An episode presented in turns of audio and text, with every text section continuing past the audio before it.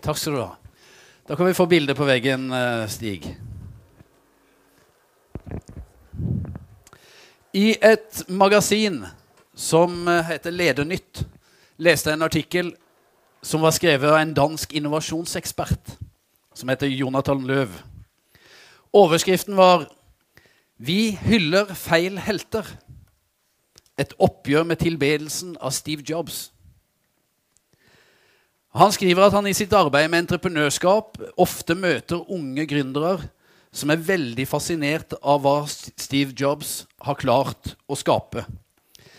Steve Jobs har, jo vært gründeren av Apple, som uh, står bak uh, ja, alle Apple-produktene. Det er sikkert masse av det inne i lokalet her i dag. Men så skriver han det at de er veldig fascinert av det Steve Jobs har klart å skape. Sjøl er Løv enig i at Jobs har skapt et stilig design og det han kaller noen innovative gadgets. Likevel så spør han hva har Apple reelt forandret her i verden? Og så I enkelte foredrag så viser han da dette her eh, bildet her. Jeg vet ikke om dere ser det særlig godt, men dette, der oppe det er altså verden før Steve Jobs' oppfinnelser. Og så er det bildet her nede. Det er verden etter etter Steve Jobs' oppfinnelser. Eh, ja, du ser det kanskje. Det er en eh, mobiltelefon og en som tar bilde. Løv han syns ikke at Steve Jobs fortjener helt den heltestatusen han har fått. Han mener derimot at Bill Gates burde være den store stjernen. Ikke bare har Bill Gates vært en mer kompetent og empatisk leder, framholder han, men, og ikke bare har han introdusert teknologi som verden nyter godt av i dag, men han har samtidig donert over 100 milliarder dollar til veldedighet. Jobs på sin side ga bort knappe 500 millioner dollar i løpet av sin levetid. Og så avslutter Løv sin artikkel da, med å skrive Jeg tror det er på tide at vi i vår tilbedelse av Steve Jobs ser utover estetikken av våre elskede forbrukerprodukter og, og reflekterer over hva som egentlig er viktig her i verden. Og at våre helter er folk som har større visjoner enn å gi oss stilige og brukervennlige designprodukter. La oss takke Steve Jobs for alt han har gjort, men la oss hylle Bill Gates for hans genuine evne til å forandre verden til det bedre. Slik slutter artikkelen nå. Jeg er enig med Jonathan Løv i noen ting. Flere ting, faktisk. At når det gjelder vårt valg av helter, så bør vi absolutt se etter de som har større visjoner enn bare å gi oss stilige designprodukter. At vi bør aller mest la oss inspirere av den som i størst grad har forandra verden til det bedre. Og Jeg er derfor helt enig i Løv i hans påstand om at vi, vi hyller feil helter og at vi trenger å ta et oppgjør med vår tilbedelse av deg. Men bør vi da hylle Bill Gates? Folkens, altså med fare for å høres ut som en politiker som nå driver valgkamp, så vil jeg si følgende Jeg har et langt bedre forslag. Jeg vet om en som har bidratt til langt større endringer i verden enn Bill Gates. Jeg vet om en som har gitt langt mer enn Bill Gates noen gang har gjort, og noen gang kommer til å gjøre. Jeg vet om en som ikke bare har vist evnen til å endre folks hverdag, men som kan endre alt som gjelder vårt forhold til fortid, nåtid og framtid. Det fins ingen over, det fins ingen ved sida. Det fins bare én som er verdig vår tilbedelse, bare én som er verdig vår hyllest. Og hans navn er Jesus Kristus. Det finnes et før, og det finnes et etter Kristus. Ingen i verdenshistoria har hatt eller kommer til å få større betydning og innflytelse enn han. Bibelen sier at han er alfa og omega. Han er begynnelsen og enden. Alt er blitt til ved han, alt eksisterer ved han og for han. Han er allmektig, han er allvitende og allestedsnærværende. Han er den mest elskverdige, empatiske og medlidende noe menneske noen gang har møtt. Ingen har noen gang vist større kjærlighet enn han har gjort. Kanskje ville andre gå i døden for en som er god, Men han viste sin kjærlighet til oss mens vi enda var syndere, ja, mens vi ennå var fiender av Gud. Bibelen sier han er en soning for våre synder. Ja, ikke bare våre, men for hele verdens. Han er alle menneskers store redningsmann. Han er seierherren som overvant døden og ondskapens makt. Og han er den reneste, den helligste, den mest uklanderlige som har gått på denne jord. Han er den mest inspirerende leder som noen gang har eksistert. Og ingen har berørt mennesker så sterkt som han. Så la oss derfor hylle han. La oss derfor tilbe han. Det fortelles om eh, komponisten Frans Josef Hayden at han en gang var til stede i konserthuset i Wien for å eh, overvære framføring av oratoriet 'Skapelsen', som han sjøl har komponert. Og På det tidspunktet så var Hayden svært sjuk, og han satt i en rullestol. Og Det mektige musikkstykket det, det skred fram. Og når, når eh, orkesteret og koret kom til det, den delen av stykket som, som har fått navnet 'Og det ble lys', så var publikum så begeistra at jeg klarte ikke å holde entusiasmen tilbake lenger. Og det brøt ut spontan applaus. Og Da forteller det at Hayden, den sjuke Hayden han strevde med å reise seg fra rullestolen sin. Og så pekte han opp mot himmelen, og så sa han, 'Nei, nei, nei. Dette kommer ikke fra meg. Alt kommer derfra. Han ga Gud æren. Han visste hvem som var verdig å motta hyllest. Noen av de som har vært med i uh, Ytre Andesund misjonskirke en stund, har kanskje fått med dere at i menigheten her så arbeider vi på en måte etter, etter tre uh, retninger. Uh, vi snakker om oppretningen, om inn og ut. Vi tenker det at som menighet så vil vi søke et nærere fellesskap med Gud. Vi vil strekke oss oppover. Vi vil òg søke et nærere fellesskap oss imellom, inn i fellesskapet. Og så vil vi òg søke et nærere fellesskap med den verden som er rundt oss. Den verden som Gud har kalt oss til å bety noe for, og derfor å bevege oss utover. Og for, øyeblik, for, øyeblikket så holder vi på med en taleserie som, eh, som, egentlig handler om bønn. Og det er noe av grunnen til at jeg er inne på dette med tilbedelse i formiddag. For når det gjelder bønn, så kan vi tenke at det er tre sånne retninger. Du har på en måte utoverbønnene. Det som Bibelen kanskje kaller påkallelser. Det er sånne bønner der vi ber for uh, våre egne og andres behov. Og så har vi det vi kan kalle innoverbønner. Det er kanskje bønner som har mer karakter av bekjennelse. At vi erkjenner vår egen tilkortkommenhet, vår svakhet, at vi er avhengig av Guds nåde og tilgivelse i livet våre. Og så har vi oppoverbønnen, som er tilbedelsen av Gud. En som heter Tim Keller, og som jeg ofte liker å sitere fordi han eh, både skriver og forkynner veldig veldig mye bra. Han sier det om sånne utoverbønner, eller sånne påkallelser, altså når vi ber for egne og andres behov, at sånne bønner de drives ofte fram av omstendighetene. Altså, noen blir syk, eller det, noen står overfor en stor utfordring, eller det er noen sånne ting som melder seg i livet våre, og så får vi behov for å be. Litt det samme med innoverbønnen eller bekjennelsen det, de, de bønnene vokser jo ofte fram som følge av omstendigheter. At vi, vi, snubler, vi faller, vi gjør feil, vi gjør dumme ting. Og så kjenner vi dette behovet for å, å på en måte ta et oppgjør og, og, be om nåde og tilgivelse på nytt igjen. Men hva da med sånne oppoverbønner?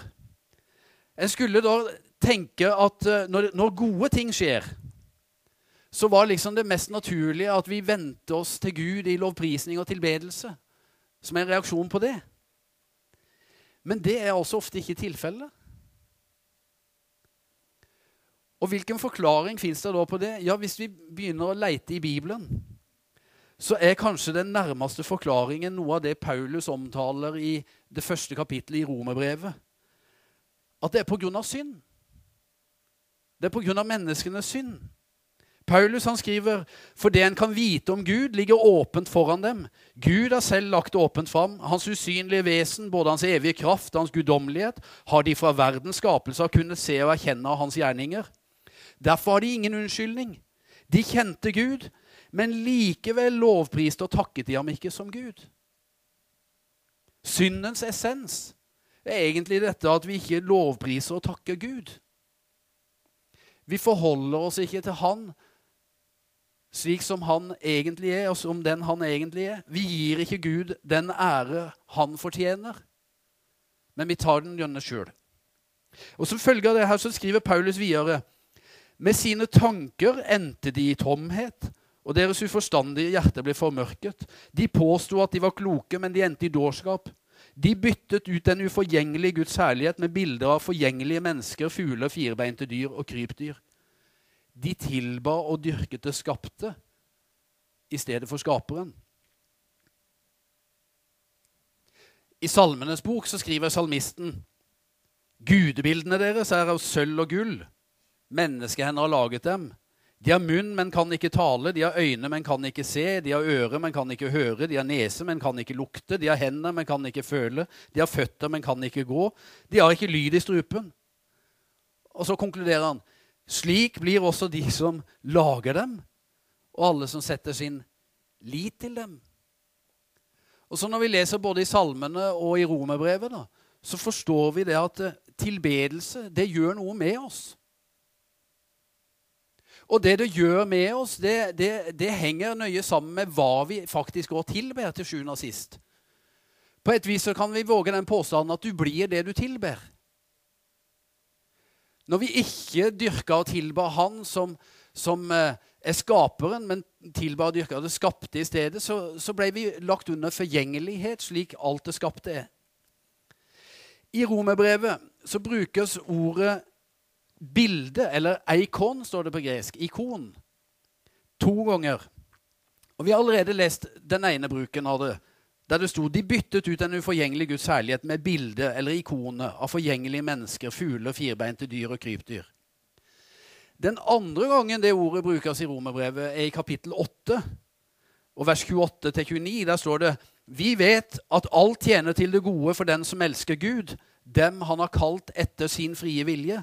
Den som han på forhånd har vedkjent seg, har han også på forhånd bestemt til å bli formet etter sin sønns bilde. Så han skal være den førstefødte blant mange søsken. Så vi formes enten til likhet med det forgjengelige skaperverket eller den uforgjengelige skaperen. Det du tilber, fører enten til ytterligere forverring, kan en kanskje tenke, eller til guddommelig forvandling. Det er en som har sagt det sånn at dersom troen ikke har forandret deg, har den antagelig heller ikke frelst deg. Er ikke det for noe av budskapet når Jesus forteller lignelsen om såmannen som gikk ut og sådde? Og så sådde han noe på steingrunn, noe falt blant tornebusker og alt mulig sånne ting. Og så var det noe som falt i god jord og ga frukt. Og da er det, da, da er det, da er det, ganske, er ganske, tydelig det at, at uh, poenget i den lignelsen er at om ikke ordet faller i den gode jord og skaper frukt og skaper endring, ja, så har det ikke fått gjort den gjerning som det skulle. En som heter James Smith, jeg tror vi har uh, sitatene uh, på veggen her.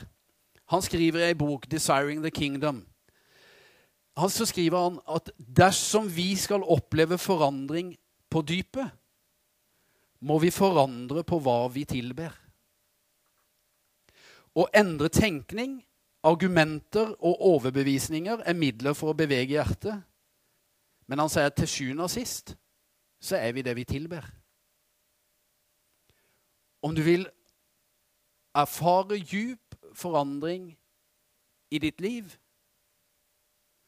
så må du endre på hva du tilber. Hva tenker du mest på? Hva beundrer du mest? Hvem ser du mest opp til? Det sier noe om hvem vi egentlig er. Det er når vi tilber Frelseren, at vi blir frelst. Det er når vi tilber Han som er tre ganger hellig, at vi blir helliggjort. Det er når vi tilber Han som er fullkomment rein, at vi blir rensa. Det er når vi tilber Den allmektige, at vi blir styrka. Og det er når vi tilber den evige Gud, at vi fordeler uforgjengelig liv. En annen forfatter som heter Richard Foster, han har sagt at hvilken, hvis tilbedelsen ikke forandrer oss, har det ikke vært noen tilbedelse. Å stå for den evige hellige er å bli forandret. Når du står for Guds ansikt, så blir du forandra. Så blir du prega av det. Og C.S. Lewis, som er en forfatter mange av oss kjenner, og forfatteren av Narnia-bøkene, og hans uh, sitater har vi oppe på veggen her, han har sagt det. In worship, God imparts himself to us. Når vi tilber Gud, så meddeler Gud av seg sjøl til oss. Vi får del i, hans, i den guddommelige natur. Tilbedelse, det er bønn som drar oss til Gud. Jeg skal få et bilde her. for Jeg så en gang en bil som skulle dra en båt på land. Du har det på neste bilde, Stig. Um, der er den. Problemet var bare at uh, båten var antagelig mye tyngre enn bilen. Og da ble det sånn sjøsatte både båt, bil og henger. Plutselig lå begge i vannet. Og det er litt rart jeg, når jeg tenker på det som har med bønn å gjøre. Når, når, når jeg snakker med Gud i bønn, så det er jo et godt spørsmål å stille seg. da. Hvem er størst? Hvor er kraften størst henne? I hvilken retning skulle vi forvente at bevegelsen gikk?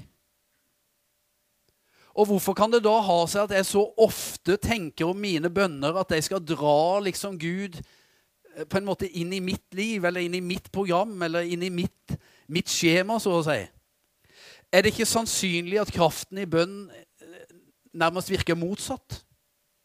At det er som dras nærmere Gud, inn i Hans rike inn i hans utfordringer. Når Jesus lærte disiplene å be Fader vår, eller Vår Far, som vi kaller det nå i dag, så kan vi legge merke til at tilbedelsen kommer først. Vår Far som er i himmelen. La ditt navn helliges. Den bønna, den la oss komme på linje med Guds vilje. Den bønna gjør at andre bønner kommer i rett perspektiv. Da blir livet mitt og egne forbønner noe jeg kan legge i hans hender, i tillit til at han har kontroll. Tilbake til Tim Keller igjen, som skriver i en bok om ei dame han hadde i menigheten, som hadde hørt en sånn forkynnelse om, eh, om, om det å, å, å, begynne med tilbedelse og begynne å praktisere det. Så hun prøvde seg på det. Og Så kommer hun senere til pastoren sin og så sier hun at tidligere så begynte jeg alltid bønnestundene mine med å be gjennom bønnelista mi. Dess mer jeg ba for alle problemene og behova, dess mer bekymra og tynga ble jeg. Nå starter jeg med å bruke tid på å tenke hvor god og vis han er, og hvor mange bønner han har svart på i tidligere tider. Og når jeg nå kommer med mine egne behov, så kan jeg bare legge det i hans hender og oppleve at byrden blir løfta av istedenfor å bli lagt på meg. Det er noe av hemmeligheten i tilbedelsen. Salmisten han skriver, 'Ha din lyst og glede i Herren, så gir Han deg alt ditt hjerte ber om.' 'Legg din vei i Herrens hånd, stol på Han, så griper Han inn.' Ha din lyst og din glede i Herren. Begynn der, i tilbedelsen og beundringen av Han. Så følger alt det andre etter, på en måte. Den tilbedende bønnen den handler ikke først og fremst om å endre situasjoner og omstendigheter. Men den handler kanskje til sjuende og sist om å endre oss sjøl. Det handler om å lære å kjenne Gud på en slik måte at vi sjøl formes etter hans bilde. Tilbedelse, det er heltedyrkelse, det. Det at jeg syns at Jesus Kristus er helt unik. Han er helt enestående beundringsverdig. Og derfor så ønsker jeg å bli som han. Tilbedelse det er egentlig å si Jesus, du er alt jeg behøver. Jesus, du er den som har alt det som jeg behøver, og alt det jeg vil strekke meg etter. Og Apropos det med heltedyrkelse. Det, det hender nok at vi tilber feil helter òg i våre kirker. I Amerika så var det eh, for mange år siden en kjent pastor som het Henry Ward Beecher. Og En søndag da en stor mengde mennesker hadde møtt opp i kirka for å høre Beecher, så ble mange svært skuffa over å oppdage at eh, den som skulle forkynne, var en annen. Det var Henry sin bror. Og flere reiste seg og gikk mot utgangen. Og da reiste predikanten seg, og så annonserte han med kraftig stemme alle som kom hit i dag for å tilbe Henry Ward Beecher, kan nå forlate salen. De som har kommet for å tilbe Gud, kan bli sittende. Men det er fort gjort at fokus i kirka rettes mot noe annet eller noen andre enn han som egentlig skal tilbes. At vi beundrer han som forkynner, mer enn han som er sjøle ordet. At vi beundrer, eller at vi er mer oppslukt av lovsangen enn, vi, enn han vi egentlig synger til. Eller at vi er mer opptatt av å se på hverandre enn å rette blikket mot troens opphavsmann og fullender. Og Det har også blitt meg fortalt når det gjelder vår menighet, at kanskje står vi overfor noen av de utfordringene. Og Kanskje må vi tenke litt igjennom det. Hva er det som egentlig samler oss? Vi har jo så mange fellesnevnere, vi som er i Ytre Randesund. Vi har kanskje ungene våre på samme skole. Vi går i det samme idrettslaget. Vi har masse sånne fellesnevner. Vi har masse sosialt som på en måte knytter oss sammen. Og så er det noen som kanskje opplever at når du kommer til en av menighetene i sentrum, eller noe sånt, så er folk så forskjellige. De kommer fra så mange ulike kanter at du til slutt konkluderer med at ja, men det eneste det egentlig har felles her, det er jo Jesus, det. Men var det ikke nettopp slik det skulle være i en kristen menighet og i en kristen forsamling? Er det ikke sånn vi egentlig ønsker å ha det òg iblant oss? At det store fellesnevnet, det store midtpunktet, det er Jesus Kristus.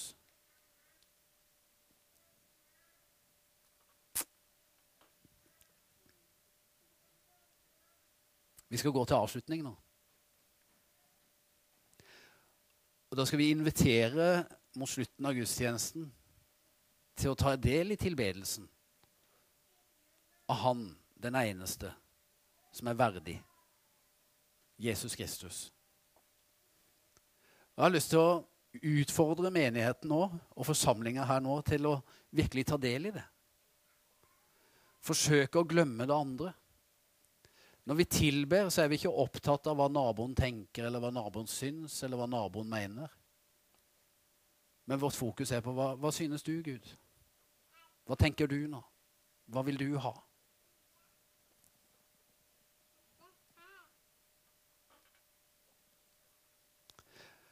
Martin Luther har en gang sagt Når jeg ikke kan be, synger jeg.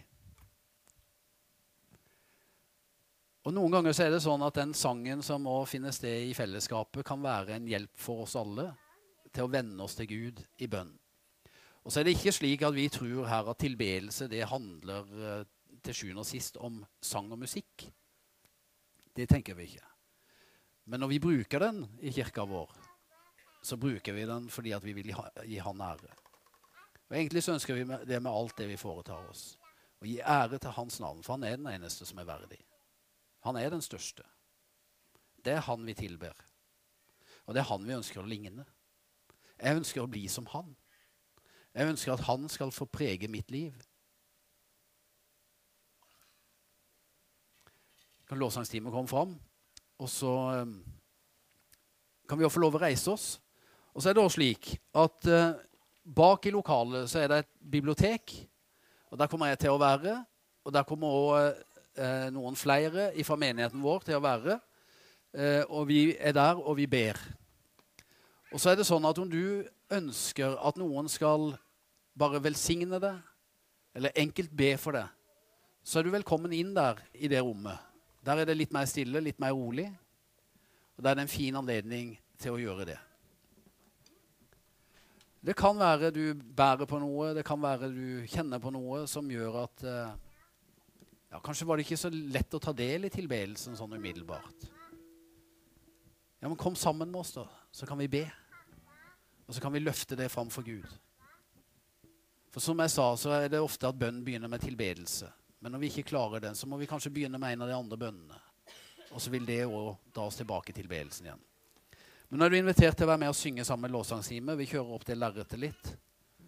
Og så Så reiser vi oss, og så er biblioteket, bønnerommet der inne, åpent. Velkommen inn dit.